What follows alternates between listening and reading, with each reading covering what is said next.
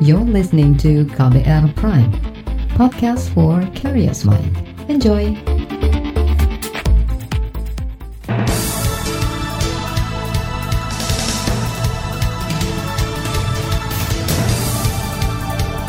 Selamat pagi saudara, kembali kami menyapa Anda dengan sejumlah informasi pilihan di Buletin Pagi, edisi Selasa 21 Juli 2020. Bersama saya Eka Juli. Kami sudah siapkan sejumlah informasi terkini, di antaranya Presiden membentuk tim pemulihan ekonomi nasional, 7.000 anak terinfeksi COVID-19. Penyegelan makam tokoh Sunda Wiwitan di Jawa Barat menuai protes. Dan inilah Buletin Pagi selengkapnya. Terbaru di Buletin Pagi. Presiden Joko Widodo membentuk tim pemulihan ekonomi nasional selama masa pandemi COVID-19. Menteri Koordinator Bidang Perekonomian Airlangga Hartarto mengatakan, tim dibentuk dengan peraturan pemerintah. Dengan pembentukan tim ini, pemerintah menginginkan agar penanganan COVID-19 seiring dengan pemulihan ekonomi. Bapak Presiden memanggil tim dan beliau telah menandatangani PP terkait dengan penanganan COVID-19 dan pemulihan ekonomi nasional. Nah, di dalam PP tersebut, Presiden memberi tugas kepada Komite Kebijakan dan di situ dibuat ada satu tim untuk mengendalikan terkait dengan penanganan COVID-19 dan pemulihan ekonomi. Menteri Koordinator Bidang Perekonomian Airlangga Hartarto juga menambahkan, tim ini nantinya akan merancang, mengeksekusi, dan memaksimalkan program penanganan COVID dan pemulihan ekonomi. Di lapangan, tim pemulihan ekonomi dipimpin Menteri BUMN Erick Thohir. Tim Pemulihan Ekonomi Nasional akan membawahi dua satuan tugas, yaitu Satgas Tugas Percepatan Penanganan COVID-19 yang dipimpin Doni Monardo, serta Satgas Perekonomian yang dipimpin Wakil Menteri BUMN Budi Gunawan Sadikin. Menteri BUMN sekaligus Ketua Pelaksana Tim Pemulihan Ekonomi Nasional, Erick Thohir, mengatakan penanganan kesehatan dan ekonomi akibat pandemi COVID-19 saat ini saling beririsan, Menurut Erik, penggabungan Satgas Perekonomian dan Satgas Percepatan Penanganan COVID-19 bertujuan agar seluruh program berjalan beriringan. Saya rasa semua ada irisan, setipis mungkin apa pun irisannya kita harus lakukan secara bersama. Nah karena itu kenapa Pak Presiden memutuskan di bawah pimpinan Pak Menko Pak Erlangga, kedua tim digabungkan supaya seiring senada semuanya jadi baik. Dan tentu tadi ada target-targetnya yang akan dilakukan kepada kami. Nah, karena itu programnya kita harus jalankan sebaik-baiknya dan karena itu kita langsung bekerja mulai hari ini. Menteri BUMN Erick Thohir juga menambahkan, Satgas ini nantinya akan fokus pada pemulihan ekonomi nasional tanpa mengabaikan program percepatan penanganan kesehatan. Erick juga memastikan ekonomi dan kesehatan berjalan bersama menghadapi pandemi COVID-19. Sementara itu, Saudara, Ketua Satgas Pemulihan Ekonomi Budi Gunadi Sadikin mengatakan, Satgasnya akan mengidentifikasi pertumbuhan yang saat ini terdampak akibat pandemi. Budi menyebut penyusunan program prioritas akan dilakukan untuk menjaga pertumbuhan ekonomi. Pak Menteri sudah memberikan arahan agar kita bisa mengidentifikasi sektor-sektor mana yang memang pertumbuhannya paling kena dampak. Kita nanti akan berdiskusi dengan seluruh stakeholder, baik itu swasta maupun itu pemerintah daerah maupun juga pemerintah pusat, kementerian lembaga untuk mendapatkan masukan bagaimana kita bisa membuat program-program untuk menjaga pertumbuhan ekonomi ini. Kemudian nanti kita akan susun. Ketua Satgas Pemulihan Ekonomi Budi Gunadi yang juga merupakan Wakil Menteri BUMN ini mengatakan salah satu tugas Satgas adalah memastikan tingkat pertumbuhan ekonomi Indonesia tetap terjaga. Ia juga mengatakan program-program yang sudah ada akan terus didorong, seperti bantuan sosial dan program yang padat karya. Selain itu nantinya, perhatian tidak hanya berfokus pada pekerja formal, namun para pekerja informal juga akan mendapatkan bantuan dari pemerintah.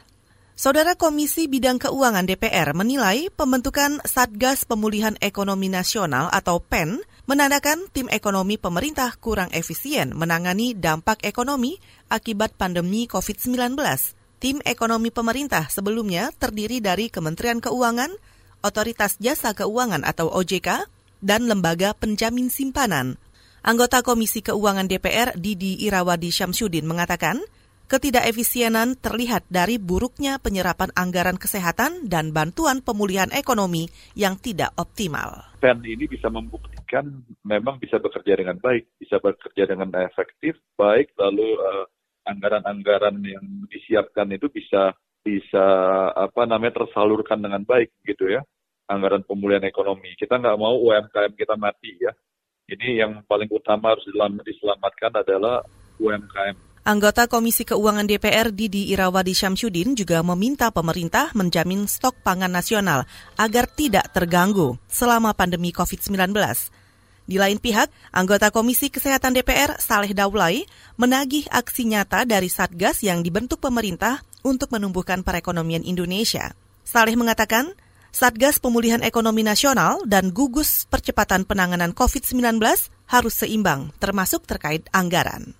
Saudara Lembaga Kajian Ekonomi Indef menilai pembentukan tim penanganan pandemi virus corona dan pemulihan ekonomi nasional oleh Presiden Joko Widodo ini terlambat. Direktur Eksekutif Indef, Tauhid Ahmad menilai tim ini seharusnya dibentuk sejak awal pandemi COVID dan langsung di bawah kendali Kemenko Perekonomian. Menurut Tauhid, Kemenko Perekonomian akan lebih mudah mengkoordinasikan menteri-menteri lainnya untuk urusan ekonomi. Sulit begitu karena kan eksekusi, eksekusi ini butuh keputusan lintas koordinasi begitu. Jadi kalau pada akhirnya kan bolak-balik lagi gitu. Mending kenapa harus bolak-balik artinya kenapa harus dilaporkan ke, ke Kementerian Perekonomian? Harusnya memang langsung dibawa Kemenko Perekonomian dia bisa langsung memutuskan tanpa harus Kementerian BUMN melapor lagi ke Kemenko Perekonomian. Jadi Direktur Eksekutif Indef Tauhid Ahmad juga berharap dibentuknya tim pemulihan ekonomi ini bisa memastikan program pemulihan ekonomi nasional berjalan cepat.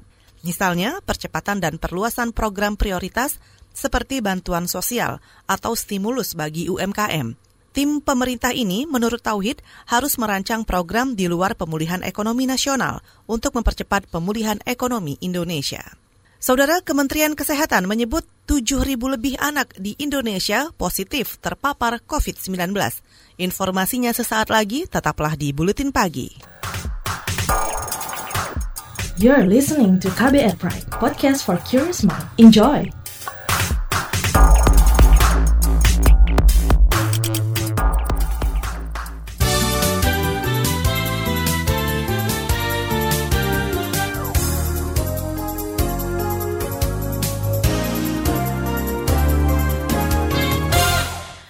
Saudara Presiden Joko Widodo resmi membubarkan 18 lembaga yang berbentuk tim kerja, adan, atau komite. Pembubaran itu dituangkan melalui keputusan Presiden pada Senin kemarin. Keputusan itu tentang Komite Penanganan COVID-19 dan Pemulihan Ekonomi Nasional yang ditandatangani 20 Juli. Salah satu yang dibubarkan adalah Komite Kebijakan Sektor Keuangan atau KKSK yang dibentuk pada 1999 lalu. Dalam daftar lembaga yang dibubarkan, tidak ada Badan Restorasi Gambut maupun Komisi Nasional Lanjut Usia. Beralih ke perkembangan COVID-19, penambahan kasus positif COVID-19 terus terjadi di Indonesia. Juru bicara pemerintah untuk penanganan COVID-19 Ahmad Yuryanto menyebut penambahan pasien positif lebih banyak berasal dari aktivitas perkantoran. Sehingga spesimen yang bisa kita periksa sebanyak 14.000 27 spesimen. Total yang kita selesaikan sampai dengan hari ini akumulatif adalah 1.235.545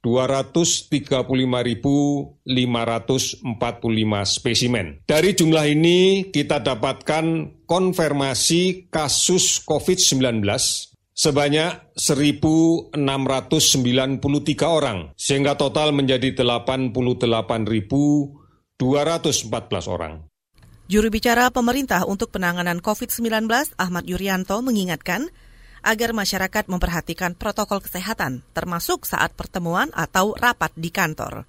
Saudara Kementerian Kesehatan mengatakan 7.000 lebih anak di Indonesia positif terinfeksi COVID-19. Pasien anak berada di rentang usia 0 hingga 18 tahun. Direktur Pencegahan dan Pengendalian Masalah Kesehatan Jiwa, Fidiansa, mengatakan Jumlah itu setara dengan 8,1 persen dari total kasus akumulasi nasional yang mencapai 86 ribu orang. Bahwa ada sekitar pertanggal 19 Juli itu 8,1 persen itu positif COVID. Dan di antaranya kemudian 8,6 persen dirawat, 8,3 persen sembuh, dan kita juga tentu berduka ada 1,6 persen meninggal. Ini adalah data dengan uh, Satgas COVID yang dapat kita coba ambil sebagai sesuatu gambaran. Itu tadi Direktur Pencegahan dan Pengendalian Masalah Kesehatan Jiwa dan Nabza di Kementerian Kesehatan Fidiansah. Sebelumnya, Ketua Umum Ikatan Dokter Anak Indonesia, Aman B. Pulungan, menyarankan agar pemerintah melakukan tes massal PCR terhadap anak. Ikatan Dokter Anak Indonesia juga meminta pemerintah tidak memaksakan membuka sekolah, sebab beresiko menambah jumlah kasus karena anak masih sulit menerapkan pencegahan infeksi. Kita ke soal korupsi. Komisi Pemberantasan Korupsi atau KPK memperpanjang pencegahan bepergian ke luar negeri bekas calon anggota legislatif dari PDI Perjuangan, Harun Masiko. Harun merupakan tersangka pemberi suap dalam kasus pengurusan pergantian antar waktu anggota DPR RI periode 2019-2024 yang melibatkan bekas komisioner KPU Wahyu Setiawan. Juru bicara KPK Ali Fikri mengatakan Harun dicegah ke luar negeri hingga enam bulan ke depan. Surat permohonan perpanjangan larangan bepergian ke luar negeri tersebut telah KPK kirimkan ke Direktorat Jenderal Imigrasi Kementerian Hukum dan HAM Republik Indonesia. Saat ini KPK tetap menjalin koordinasi dengan pihak kepolisian dan e, keimigrasian untuk terus mencari dan menangkap keberadaan e, DPO atas nama tersangka HAR tersebut. Perkembangannya nanti akan e, kami informasikan lebih Juru bicara KPK Ali Fikri menyebut belum ada laporan terkait keberadaan Harun Masiku yang buron sejak Januari 2020. Sementara itu bekas komisioner KPU Wahyu Setiawan masih menjalani persidangan dan kader PDI Perjuangan lainnya Saiful Bahri difonis oleh Pengadilan Tipikor Jakarta. Saudara kita beralih ke informasi mancanegara. Pemerintah Malaysia menemukan 110 kontainer berisi limbah berbahaya dan beracun ilegal di pelabuhan Tanjung Pelepas, Johor. Dalam 110 kontainer itu terdapat 1.800-an lebih ton limbah beracun timah dan krom, hasil pembakaran alat-alat elektronik. Namun dalam catatan isi kontainer, isinya dipalsukan sebagai seng dan konsentrat. Menteri Lingkungan Hidup dan Perairan Malaysia, Tuan Ibrahim Tuan Man, menyebut Limbah beracun itu berasal dari Romania dan akan dikirim ke Indonesia. Malaysia mengklaim temuan itu menjadi temuan terbesar di Malaysia. Saudara, laporan khas KBR tentang politik dinasti dan korupsi kami hadirkan sesaat lagi, tetaplah di Buletin Pagi. You're listening to KBR Pride, podcast for curious mind. Enjoy!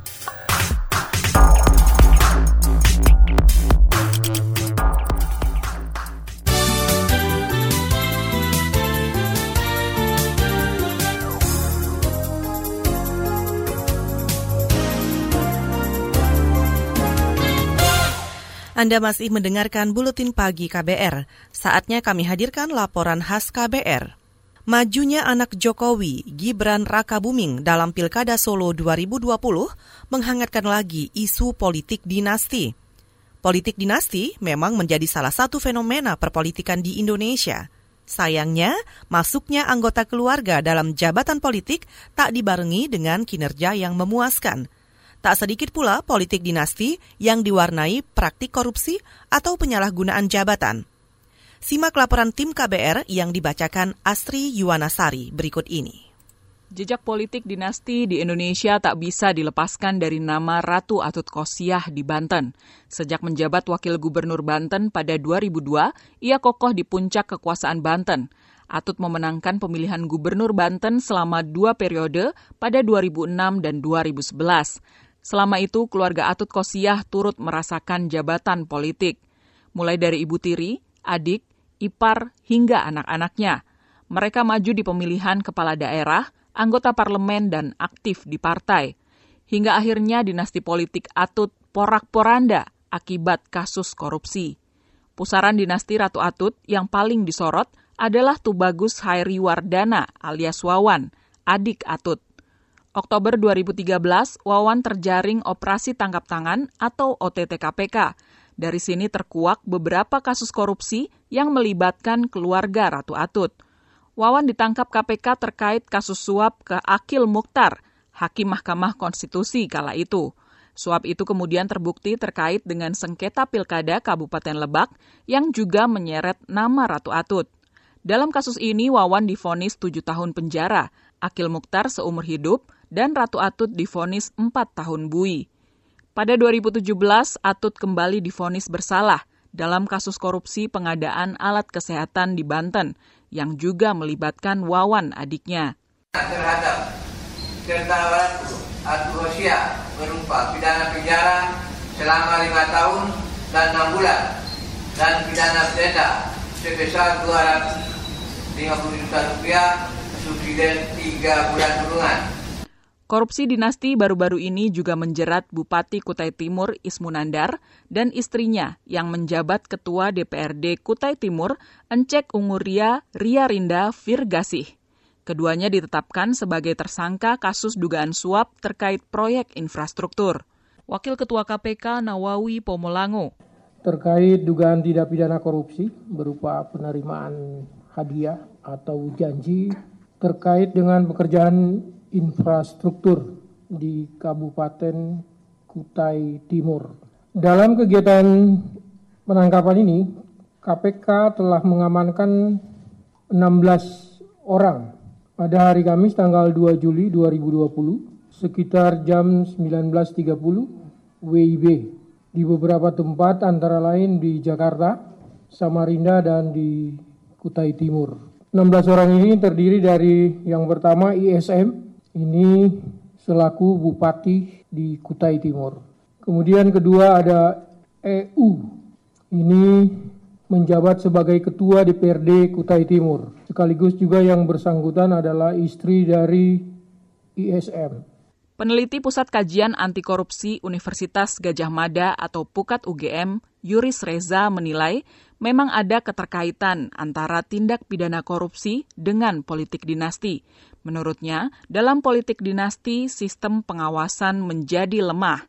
Ia mencontohkan kasus korupsi di Kutai Timur – Ketua DPRD Kutai Timur yang seharusnya mengawasi kepala daerah justru ikut kong kali kong dalam proyek pembangunan infrastruktur.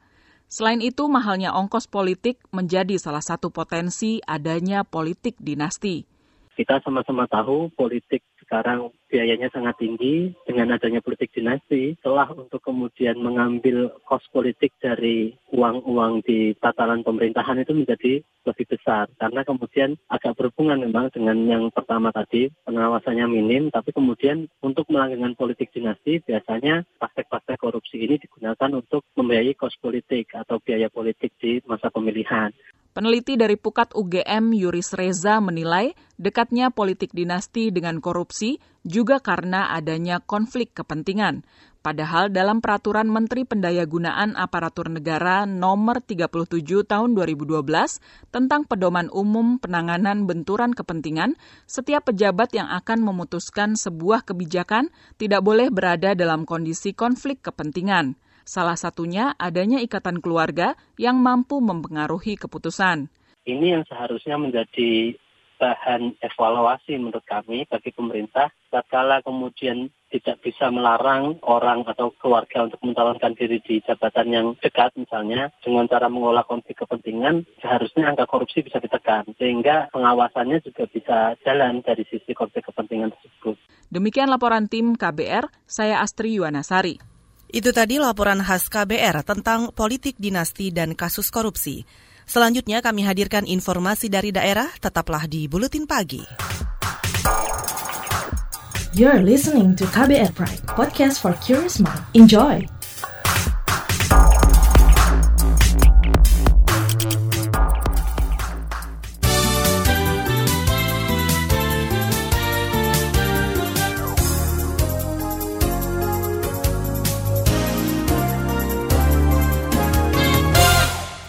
Inilah bagian akhir buletin pagi KBR. Kita ke Sulawesi Selatan. Saudara tim Basarnas Gabungan menemukan sebanyak 38 korban banjir bandang di Kabupaten Luwu Utara seminggu terakhir. Dari jumlah itu, enam korban di antaranya belum teridentifikasi, sementara korban hilang lebih dari 60 orang. Kepala Basarnas Makassar, Mustari, mengatakan proses pencarian korban akan diperpanjang selama tiga hari. Saudara Kepala Basarnas Makassar Mustari juga menambahkan ada 75 titik lokasi pengungsian yang tersebar di tiga kecamatan di Kabupaten Luwu Utara, Sulawesi Selatan. Setiap titik pengungsian menampung 70 hingga 100 jiwa dari total 14.000 lebih pengungsi. Kita ke Jawa Barat. Masyarakat adat Karuhun Urang atau Akur Sunda Wiwitan di situs Curug Goong Cigugur, Kuningan, Jawa Barat mengadukan dugaan tindakan sewenang-wenang dari pemerintah daerah setempat ke Komnas HAM dan Komnas Perempuan. Girang Pangaping Adat Masyarakat Akur Sunda Wiwitan, Oki Satrio Jati, menyampaikan pemerintah Kabupaten Kuningan menyegel bakal pasarean atau makam sesepuh dari masyarakat Sunda Wiwitan – ia menyayangkan penyegelan itu tanpa petunjuk terkait pembangunan makam. Pembangunan makam itu dimulai tadi saya sudah uraikan Mei tahun 2019 dengan harapan bahwa ya makam kami memang berbeda ya sama makam kebanyakan. Misalnya arahnya menghadap timur barat. Girang Pangaping Adat Masyarakat Akur Sunda Wiwitan, Oki Satrio Jati juga menyebut permohonan IMB atau izin mendirikan bangunan yang disampaikan masyarakat Akur juga ditolak lantaran belum ada regulasi juknis dan juklak serta pembangunan di wilayah itu dianggap membuat situasi menjadi tidak kondusif. Kita ke Jawa Tengah. Pemerintah provinsi ini akan menambah kapasitas tes massal COVID-19 hingga 4.000 spesimen per hari. Gubernur Jawa Tengah Ganjar Pranowo menyebut peningkatan tes massal dimulai hari ini di Semarang dan Solo Raya. Oh ya, sebenarnya kita mengevaluasi karena kita diperintahkan oleh pusat untuk meningkatkan uh, sehari 4.991 spesimen harus kita ambil ya, per hari. Tadi coba kita evaluasi kekuatan-kekuatan lab kita. Sambil karena Jawa Tengah ini meningkat, maka kita meminta, maka seluruh Forkompimda kita hadirkan bagaimana cara kita menegakkan. Kita tetap butuh dari masyarakat bantuan, dukungan, ojo ngeyel kira-kira. Gubernur Jawa Tengah Ganjar Pranowo juga mengklaim Kapasitas laboratorium di provinsi itu mampu menangani 8.000 spesimen per hari. Ganjar juga meminta bupati dan wali kota di Jawa Tengah melakukan tes PCR demi memaksimalkan hasil tes COVID-19. Saudara, informasi tadi menutup jumpa kita di Buletin Pagi hari ini.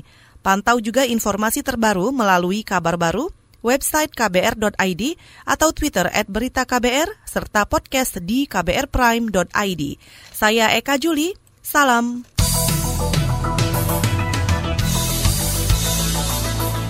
KBR Prime, cara asik mendengar berita. KBR Prime, podcast for curious mind.